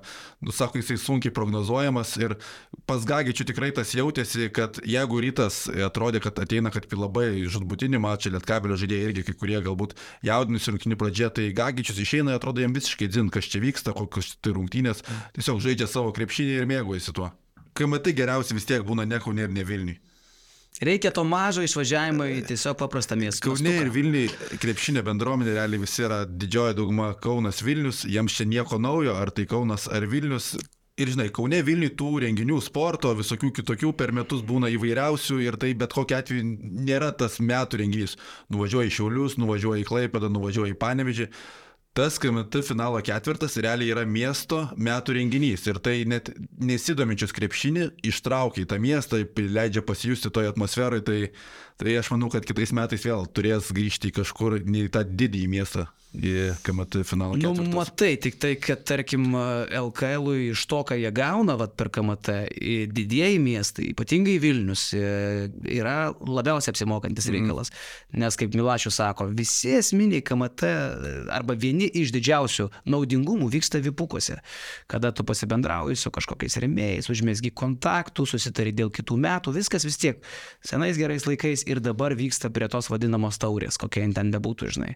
Tai ir čia, nu, kai tu turi Kaune arba Vilniui, didžiausiose šalies arenose, nu, daugiau tu ten turi to mandro svečio, negu kai vyksta Ir aš, ir aš tą patį pagalvoju, yra kur kas lengviau atsivežti visus kleizas, počius, počius ir taip toliau, nes jie žino, kad jie atvažiuos į didelę areną, jie žino, kad jie turės atskirą įėjimą, jie žino, kad jie turės vietą, kurie galės ramiai, privačiai nueiti ir pabūti, vis, visai kas kita, nei kad, nei kad tu atvažiuoji, žinai, į, į mažesnę salę. Taip kad... Kai, kai, kai, kai kurių dalykų mes net nežinom, kas vat, matematiškai paaiškinama. Nu, tarkim, tos pačios 12 komandų, žinai.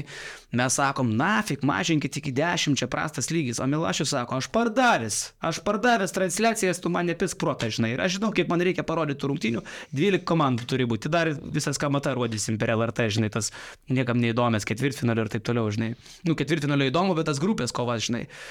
Jie apskaičiavę matematiškai, taip ir KMT čia, žinai, kad vyksta didžiosiuose miestuose.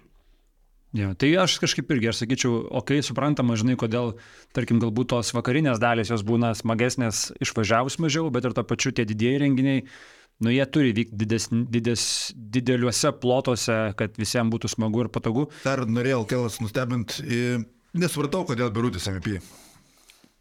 Kodėl Birutis tapo? Kodėl ne Evansas? Kodėl ne Evansas? O Nes statistiškai... Statistiškai Evansas. A ne? Ja.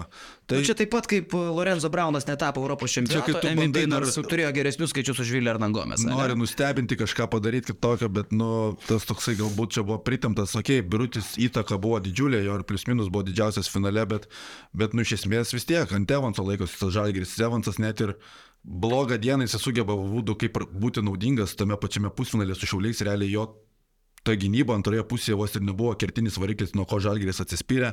Finaliai irgi Evansas naudingiausias, Evansas rezultatyviausias, nu ir jisai valdė tą komandą. Evansas pusfinalį prametęs 8 trajekus surinko kiek 16 F. Ja. Kas šiaip yra fenomenas, kai tu prametinėjai metimus, tavo naudingumas būna labai dažnai mažas, žiauriai žemas. Kad tu surinktum į 16 naudingumo. Wow. Vienas devyni metimai jo 8-8-2 taškai. Bet kalbant apie Birutį ir apie, Baudas. apie Gedraitį, tai kaip tik du bičiai, kurių neteko Lietuvos rinktinė šią savaitę, su Lenkais ketvirtadienį jų nebus, su Estais pirmadienį jų nebus, jie traukėsi iš to pirmojo Europos čempionato atrankos lango. E, ar dar kažką pridėsim apie KMT, ar geriau perėsim prie, prie šios savaitės galim, reikalų? Galim šios savaitės, manau, pereiti, nes uh, Daugiau mažiau, va, vienas dalykas, ką mes irgi bambėjom ir šnekėjom ir dar reikia pabambėti, bet čia ne vien KMT problema, ne, ne vien LKL problema, apie Eurolygą tą patį kalbam. Rungtinių trukmės tampa nevaldomos. Nenormalu, 2,5 valandos. Yra kažkas baisaus, ta prasme, kai tu, kai tu vis girdi, kiek ir čia tų taimautų pertraukėlių, ar čia taimautas, ar čia peržiūro, tai jau nesupranti.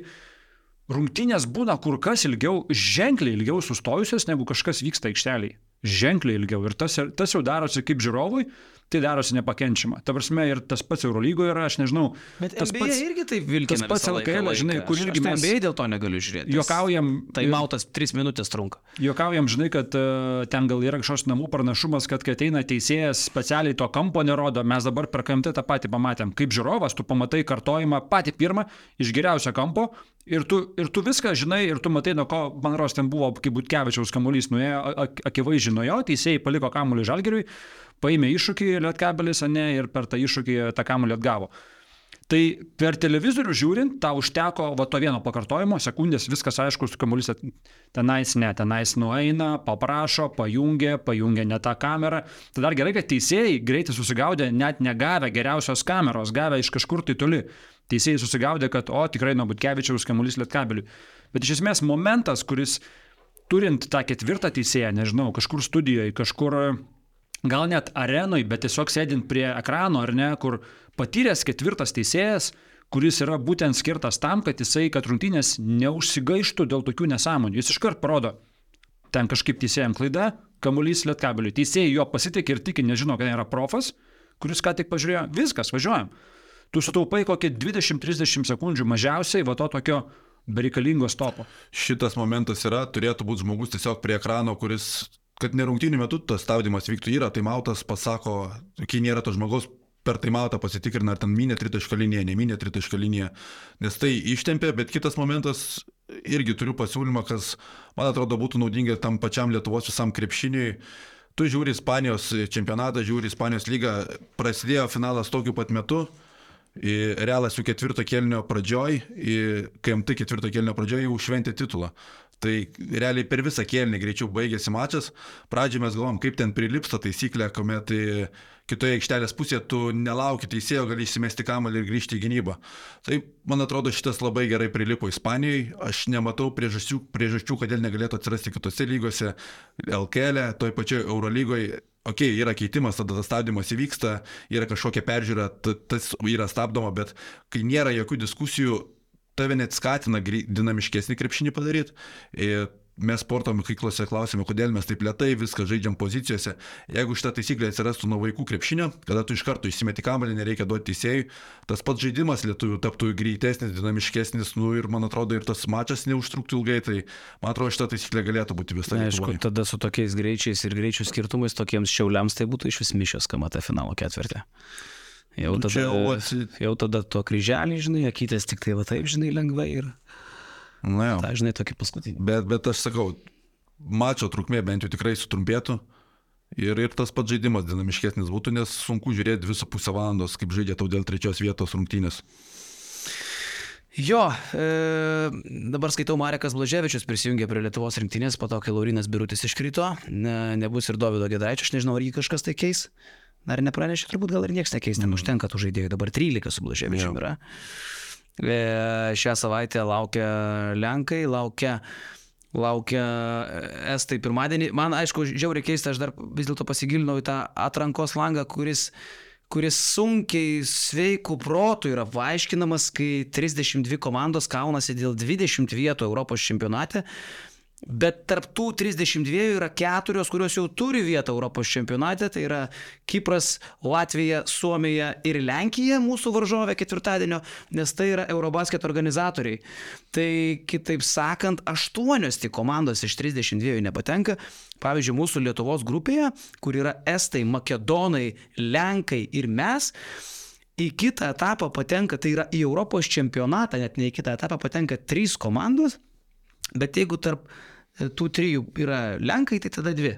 Kitaip sakant, viena komanda iš grupės nepatenka, tai dėl ko aš dar į šitą atrankos langą ir apskritai visą, į visus tris langus, kurie laukia prieš 225 Europos čempionatą, žiūriu su tokia keista kreiva šypsena, kad mes iš esmės čia tris langus krušimės, kad aplenkti Estą, Makedoną arba Lenką, nes mums iš esmės užtenka tik vieną iš jų aplenkti ir mes, ir mes jau turim vietą Europos čempionate. Tai prisiversi sakyti, kad tai yra įdomu ir sportinė prasme kažkas tai aktualaus aš negaliu, aš net įsivaizduoju, pažiūrėjau, kaip Lenkui atrodo šitas atrankos langas. Jie jau turi vietą Eurobaskete. Miličičiaus jų trenerio klausė, Miličiaus, jų klausė, kokia čia jūsų motivacija. Nu, tai mes čia norim būti ritme prieš olimpinę atranką vasarą. Net jie patys nekalba apie aktualumą šito, šito Europos taurės, Europos čempionato langą. Nu, Balčerovskis su Ponitka va čia atvažiavo, ačiū jiems galės įeiti ritmą ir kadangi negauna klubuose palošti Eurolygoje, tai galės čia pasikalti, žinai. Nu, labai reikės susigalvoti, motivacijos man prieš šitą ketvirtadienio mačą su Lenkais. Žinai, motivacija Vilniuje. atsirastų tiem Lenkam pralaimėjus, va, tarkim, jeigu tu pralaimi Lenkam. Tada jau jo. Tada jau, tada jau ta motivacija atsiranda. atsiranda. Ja, ir tada tu jau pradedi ten skaičiuoti, kas čia gali gauti. Nes... Čia reikės kentėti, tu Lenkam pralaši, bet tu Makedonus reikės apžaisti, ten Makedonai, Estai. Nu, čia reikės kentėti tos landus. Um, žinai, žiūrint taip į sudėtis, pavyzdžiui, aš... Dar labai trumpai Žalgiris paskelbė, kad Doviui Gedraičiui įplyšo šlaunies raumuo. Jo, jo. Šikma, tai čia ilgam. Ir neskelbė, sako, dėl to jis kurį laiką turės praleisti be krepšinio ir neskelbė, kiek tiksliai. Bet įplyšęs raumuo. Neskamba tai seksy kaip tai Taylorui. Neskamba gerai. Neskamba gerai. Praeitą sezoną Taylorui tas pats buvo. Nelygu, aišku, įplišimas įplišimui, Tayloras, ne, nepamenu, kiek gal keturias savaitės negraino. Nu, Bodvinui šiemet tas pats buvo, jis turėjo ten prognozavo, kad nežais 6-8 savaitės, bet pasistatė per 3-4, žinai, tai įplišimas įplišimui nelygus, žinai. Bet... Gal dėl to ir neskelbė, kiek, kiek tiksliai, nes galbūt ir tai nėra visiškai iki galo aišku. Jo. Nu tai ką, turėjom šešis Eurolygos žaidėjus, dabar lieka keturi. Gedraitis, Lekavičius, Ulanovas ir Dimša. Keturiese lieka. Ir šiaip žiūriu, aš, pavyzdžiui, tą patį Lenką, e, pračekinau sudėtėlę, jie turi septynis žaidėjus iš dešimties, kurie lošia prieš Slovenus 222 Eurobasket ketvirtinalį, kai nugalėjo Slovenus. Realiai iš rimtų vyrų dabartiniai jų komandoje tik AJ Slotterio nėra, visi kiti yra. pasiemu aš tą patį Lenko centrą, žinai, ar tai Balčiarovskis, ar tas pats Aleksandras Dzieva, kur Europos tauriai po 15 taškų ir 5 kamuolius renkasi, žinai, tai jų priekinė linija už mūsų geresnė. Šiandien dienai, kai biuručio nebeliko. Gebinas su Blaževičium prieš Dzievą ir Balčiarovskį. Jo. Geresnė priekinė linija to paties Lenko. Pasėmė Ponitką, kur visą laiką drožė už Lenkiją jo fana prieš tą patį Sloveną ketvirtfinalį, trigubą dublį varė. Prieš metus čia buvo, nu prieš pusantrų. 26-16, 26 taškai 16 rebų 10 asistų. Tai Ponitka Lenkuose visą laiką gerai, plus dabar kaip partizanė negauna loš motivacijos belekiek. Tai žinai, yra, yra tų rinktinį žaidėjų. Sukulovskis Italijos lygo irgi trajekėlius mėto, išsijuosęs 16 taškų irgi prieš tos patys Sloveną įvarė Neapolį žaidžia, ką tik laimėjo e, taurę. Ne, Lenkija neblogą komandą turi tai tikrai. paėmė tą Lenką ir... Va, žiūrėk, tas e, Jakubas Niziola, Lietkabelių 2-1 tašką įvarė, irgi toj pačioj komandai yra. Aš sakau, čia ta motivacija. To Lenko čia-. Čia ta motivacija greitai ateitų, žinok, jo, jo, čia tu kalbi, kalbi, užliuoji, žinai, čia nėra su kuo žais, nėra kaip ką. Pasimsiu nuo to Lenko. Estijoje, atsiminkim, irgi esam pralaimėję ir esam pralaimėję visai nepersiniausiai ir esam pralaimėję su gerai žaidėjais tenais nuvažiavę. Ne, aš tik noriu. Ir pasakyt- Estas, žinok, irgi nelavonų surinko. Ne, turi, turi patvarų baskonės, visi tie Kraistė, Kosaras, Vienė, Kiulėmė, e, Matijasas Tasas, čempionų lygo irgi e, šito stendis komandai po aštuonis renka.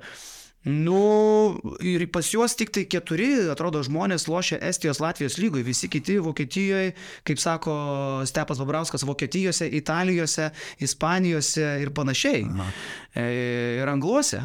Važiavę, ne? Taip, ir Amerikose. Aš, aš sakau, kad tam languose, kai atsirado Eurolygos žaidėjų, dabar langas, kai atvažiuoja, tai pažiūrėti tikrai bus į ką, bet problema turbūt yra sistema, e, kokia yra ta atranka ir kaip yra lengva patekti į Europos čempionatą. Jeigu būtų biški sunkiau, man atrodo, ir tas ažiotažas būtų visai kito lygio, nes žaisti tikrai yra prieš ką, tu pralaimėjus, tada gal kažkas atsirastų, bet dabar tu realiai gali pralaimėti visiems, tai reikia vieną komandą aplenkti. Tai nu čia netranka. Jo, nu, žinai, ieškant kaip save suintriguot, nu, aišku, dabar, kai iškrito birutis, yra net gal ir smagiau, tam tikrą prasme, kad tubelis galės dar gal ryškiau pasireikšti, nes čia jisai važiavo kaip ketvirtas numeris, dabar gal gaus kažkiek ir penkto numerio minučių, kas čia žino, žinai, nes vis dėlto tai yra turbūt per dvi pozicijas ateityje projektuojamas žaidėjas. Tai va dėl tubelio visą laiką įdomu. A, dabar, kai neliko Gedraičio Dovido, Sirvidis Davidas dar daugiau turės, žinai, svorio toj rinktiniai. Aišku, dedant žaidėją prie žaidėjo, nu, turbūt sunku įsivaizduoti, kokioj paraleliniai visatoje mes silpnesni už tą Lenką už tą Estą. Bet Lenką ger gerbti reikia. Šitas Lenkas nunešė Dončičiaus e, komandėlę Eurobasketį ir tai yra praktiškai ta pati sudėtis. Tai jeigu tik tai mūsiškiai kažkiek tai atvažiuos užžiūrėti nosis ar iški pamiršę, kad čia yra normali komanda su to pačiu treneriu Myličium, tai mes pralošim. Labai sėkmingai ir nesunkiai. Nebūtų nuostabu. Aišku, sloterių nėra, bet e, gal pagaliau žinai, ką pamatysime. Roką Gedraitį sužaidžianti gerai su Lietuvos rinktinės Jo, irgi intrigėlė. Jau gal laikas, tarp kitko gerai sulošė tauriai su Jie labai gerai su- sulašė vakar, buvo grįžęs į Lietuvą, tai sakė, neteko pašvesti su komanda, nes e, Šiaulėtis brolisgi buvo pas mus, tai su juo vakar pakalbėjau, tai neteko pašvesti, bet Rokas pasilgęs Lietuvos ir dėl to džiaugiasi, kad toks langas yra sezono metu. Ir mačiau skaičius, kurie mane nustebino mūsų intervė su Myličium, ten mes jį patys kalbinom turbūt, ne? Trenerį. Atsiuntė LKF. -as. A, čia LKP atsiuntė. Tai ten buvo parašytas klausime toks įdomus statistinis rodiklis Lietuva, Lenkija tarpusavio susitikimų statistika 14-10 mūsų naudai. Būtumėt pagalvoję, 14, kad 10. mes laimėjom 14 kartų, 10 kartų Lenkam pralašėm. Kada, ką aš čia praleidau? nėra dar kokios tarpukario rungtynės įskaičiuojamos. Kad ir, bet 14-10. Nu labai gerai 29 atsimenam, kaip atsirojom nuo Lenkų, bet taip skaičiuojant. Nu, tai ir Tamiličius sako, hm, neblogai visai. ja. O šiaip tai ką, žinai, tas pats Lenkas, jisai pateko į pusfinalį 2-2-2, kur mes verkėm jau po aštuntfinalio su... Aišku, žinai, kažkas, kažkas gali sakyti, kad e, jie pataikė ant slovenų, kurie jau buvo atšventę patekimą į pusfinalį. Ir mes būtume pataikę ant slovenų, būtume pravirkę. Nes metai prieš tai mūsų slovenai išnešiojo dalimis, du metai prieš tai išnešiojo dalimis Kaune atrankojo olimpiadą. Matai, slovenai a, nebūtų iš anksto atšventę pergalės prieš mus, kaip jie atšventė iš anksto pergalę prieš Lenkus. Nu, bet čia gandas. Gandas, bet žinai, labai, labai realus gandas. Tai va. Tai žodžiu, ketvirtadienį ASG arena, kiek žinau, jau ir ponė Vytautas Mikaitis dirbs rungtinių pranešėjų. A, tai vėl pažiūrėsim, kaip, kaip atrodo žmogus grįžęs iš Afrikos antrą kartą per mėnesį. O pirmadienį Talinė rungtynė su Estais. Pavyzdžiui, vat pirmadienį išskrendo atostogų. Kaip už, už, iš užsienio pavyktų pažiūrėti man tas rungtynės? E, Žiūrint, žiūrint kur tavo užsienis. Maltai, Maltai, tai aš manau, kad ten Tai gali. jis turi internetą, Malta turi internetą. Malta turi ar ne? internetą. Malta Neblokuos, labai gerą neblokuos man ten. blokuos. Blokuos. Bet tau reikia kažko. Nu, tai man patarkit. Nežinau, gal kokio NordVPN? Ir NordVPN uh, matėm, savininkas vakar atšventė kartu su Žalgiriu, ar ne? Uh, Gavo medalį gal, ne? gavo medalį. tai Montvilą negavo, ar kaip Iš gavo? Montvilas paėmė, man atrodo. Atimė iš Montvilos medalį. Nu, tai prašė komentaruose, nežinau kaip. Panašiai būkim bet Padarė šliką, padarė šliką. Padarė išliką.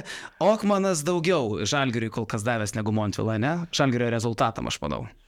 Uh, tikriausiai taip. Nors aš jį kažkada esu labai negražiai pavadinęs per mūsų podcastą keista, kad NordVPN neišėjo iš laidos, tai ačiū jums už tai. Jo, tai NordVPN yra paslauga, kur tu gali fiziškai būti vienoje šalyje, bet e, skaitmeniškai tu gali atsidurti kitoje šalyje ir pasiekti tą turinį, kuris yra pasiekiamas, tarkim, tavo šalyje, jeigu tu būni išvykęs ir jeigu tu turi kažkokį tai, kažkokią paslaugą, kuri yra užsienyje blokuojama, bet tu moki už tą paslaugą, tarkim, ten kažkokį medicinį mokestį ar panašiai, kaip atlekšo atveju būdant gerai. Maltoj. Labai gerai. Tai sprendžia visas atveju- problemas. Jo, tokiu atveju tu pasieki tą turinį, kurį pasiektumai namie ir išvažiavęs, va tikrai kažkur į užsienį. Uh, nebeturi jokios problemos. Arba, arba, jeigu tu esi įtin taupus žmogus ir uh, turi laiko ir noro, tu gali skaitmeniškai pakeliauti per visą pasaulį ir paieškoti geresnių kainų už tam tikras paslaugas. Nuo tų pačių prenumeratų televizijos paslaugų iki, iki, iki sporto kažkokių tai irgi tinklalapių, kurie uh, siūlo, pigesnius variantus kitose šalise. Taip kad uh, daug galimybių pasižvėjoti ir tą geresnę kainą ieškant kitų šalių pasiūlymų. Ir ką dviejų metų planui gauname keturis papildomus mėnesius. Pats užsisakiau, aš kažkaip, matai, e, turėjau, mes pasirodo turėjom galimybę gal net e, su Milda pasidėrėti ir dar pigiau gauti, bet aš paėmiau, neiškenčiau ir užsisakiau su mūsų kodu. 28 mėnesius atrodo gavau, taip gaunasi. tai kodas yra nordvpn.com. Tai aš jums dabar pasakysiu be jokių užuolankų. Apie 90 eurų man gavosi tie 28 mėnesiai. Tai čia vat, reikėtų tai kažkas tokio, nes dar ten prisideda kažkoks mini mokestis, bet vis tiek nesiekia 3 eurų galiausiai mėnuo. Tai, tai va taip. Nu ir jau ten pračekinau, iš tikrųjų, gali, gali pažaisti ir su kainom, ir su apėjimais, jau nekalbant apie tai, kad pakeičiant geolokaciją, labai patogus appsas, tu tiesiog naudojasi realiai to šalies kainininkų ir to šalies IP adresais prieidamas prie visų transliacijų uh, ir panašiai. Tai va, tai būkite saugus, naršykit saugiai, pigiau naršykit, būkite protingi žmonės. Protingi, jo, svarbiausia. Taip. E, NordVPN super rašo, Tiškevičiau, nusišypsok, jei galvoju apie Čekanavičių, kol kalba Miklovas rašo, kam per foril. Čekanavičius yra pedofilas, man atrodo, jį paleido iš kalėjimo. Paleido iš kalėjimo? Kodėl? Aš neklystu, tik tai čia reikėtų dar patikrinti informaciją. Tai va, Labai svarbi informacija. labai. Kodėl biuro nebus rašo, praleidau, apie biurą jau mes čia kalbėjom. Jo. Nu ką, vyriukai. Uh, Taurių savaitgalis praėjo. taurių savaitgalis ištiksėjo. Šiaip daug ne Eurolygos klubų laimėjo neturės. E, nedaug, kur įvyko realiai tik Prancūzijoje. Italijoje. Ir Italijoje iš tokių pagrindinių. O vokiečiai su Bayernu, turkai su Feneriu, Pao su, tą Pao sakau, Oli. Oli, Graikijoje. Bet Oli gerai pamokė Pavo, ten Atamanas jau buvo prisikalbėjęs, kad viskas, imsim taurę, imsim lygą, imsim Eurolygą, pasikeitė laikai, bet Pem keli taškai finale prieš Olimpijakos ir tas Olimpijakosas, kuris būtent ir atvažiuos iš karto po pertraukos į Kauną, dabar atrodo pakilime, grįžo falas, O matai, kas Graikijos lygos, Graikijos taurės MVP? turbūt kad falas jau klausė. tau tai patinka? Puikiai, puikiai, Gerai. labai gerai, džiaugiuosi. Aš irgi labai laukiu jo. Eurolyginių tokių pasirodymų, nes fantasy pas mane kapitonas naujas bus, žinai. Gerai. O matai, kas e, Ispanijos MVP? Poirė, Kampaco. Kampaco, nevertas. Ja. Nes irgi tavo. ja. Ne, bet tai jau mano pergalė draftuose ten man nebekelia klausimų iš tikrųjų. Nu, tu esi geras, šiemet tu esi geras. Taip. Per geras. Yes. Šiaip, e, man įdomu, kas, ka- kas darosi Italijoje, kad Italijos tos taurės jos labai dažnai yra būt- būtent nenuspėjamos. Ten bet kas gali bet ką išmesti. Atsiminkim, kad tvirtnaliuose ir Milanas yra kritęs, ir Bolonija krenta, ir ten tos komandos iššauna iš niekur.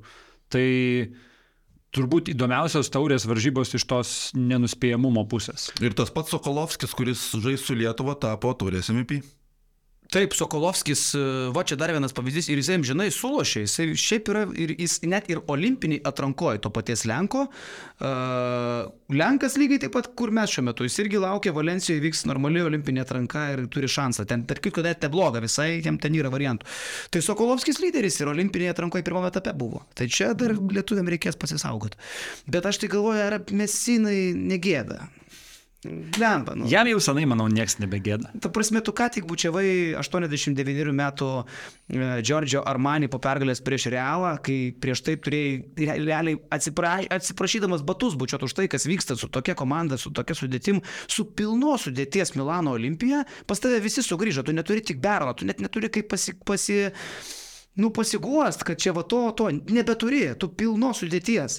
Tu gauni Neapoliui, nu, tu profesoriau, profesoriau. Žinai, nu, tu visą gali pasakyti, yra taurė, taurė vienos rungtynės. Uh, Bet kiek kaip, kodėl? Taip, Pastai, kaip sakė Trinkierį. Va, Trinkierį, žinai, jisai žaidė gudrų žaidimą. Jisai prieš pat savaitgalį jau pradėjo kalbėti, žinai, kad taurės varžybos yra pastai Eurolygos komandoms. Tarsi, tu jau taip iš karto kažkiek Nusiėmė nuo ir savęs. apsidraudai, kad jeigu kažkas nutiks, aš sakiau, kad pastai. žinai, tai čia tik tai kaip tu save pateiksi ir kaip e, į tą savaitgalį ateisi. Tai čia pateisinti save dėl taurės tu visada gali. nu, jeigu, žinai, jeigu į spastus kažkas ir papuolė, tai iš esmės per visą Europą šį kartą tik dvi komandos, ne? Virtus, Virtusas labai gerai papuolė, jau ketvirtfinalį krito. Nu, tai yra ir Alba, man atrodo, ketvirtfinalį. Pusfinalį. krito. Jei- Ar tikrai pusfinalį? Pusfinalį? Kai kumadžiai išjungė žmogų. Jo. Kas tam buvo? Per rungtynės trenkė ir gavo baną iš lygos ir ten baudą nemažą susimokės.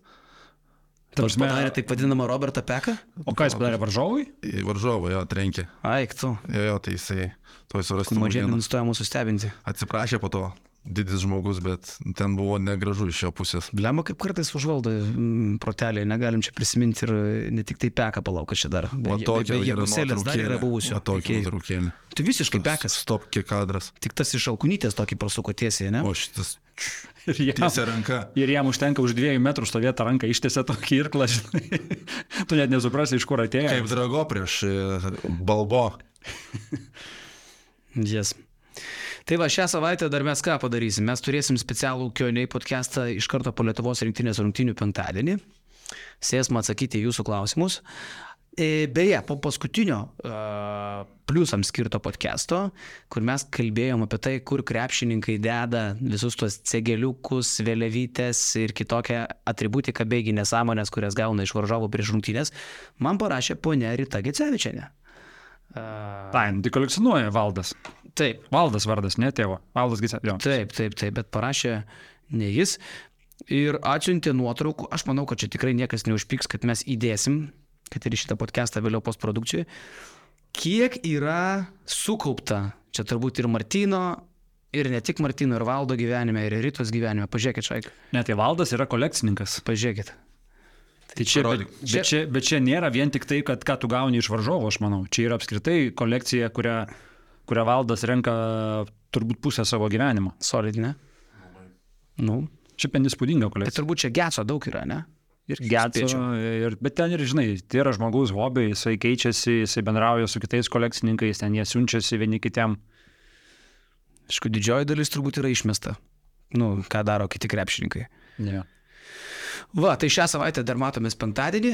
Nu ir turbūt, kad šitam laivui tiek. Dar turėsim, va, klausia, ar Enbas bus, ar Urbonusas bus. Tai viskas bus. Viskas bus, tik tai, tik tai šią savaitę, Visko kadangi dar įsikūrinėjom Vilniaus studiją, išsikraustę naujai, tai, pavyzdžiui, savo schemas rytoj atvažiuoja čia pas mus į Kauną dar, įsirašys ir aptars irgi KMT visus dalykus. Tai ačiū visiems ir iki penktadienio sakom pliusam. Viso, kiek. Ačiū, kad žiūrėjai šį podcastą. Paspausk like, taip bus pamatys dar daugiau žmonių, arba prenumeruok kanalą ir gausi informaciją iš karto. Nuo dar daugiau turinio BN ⁇. E.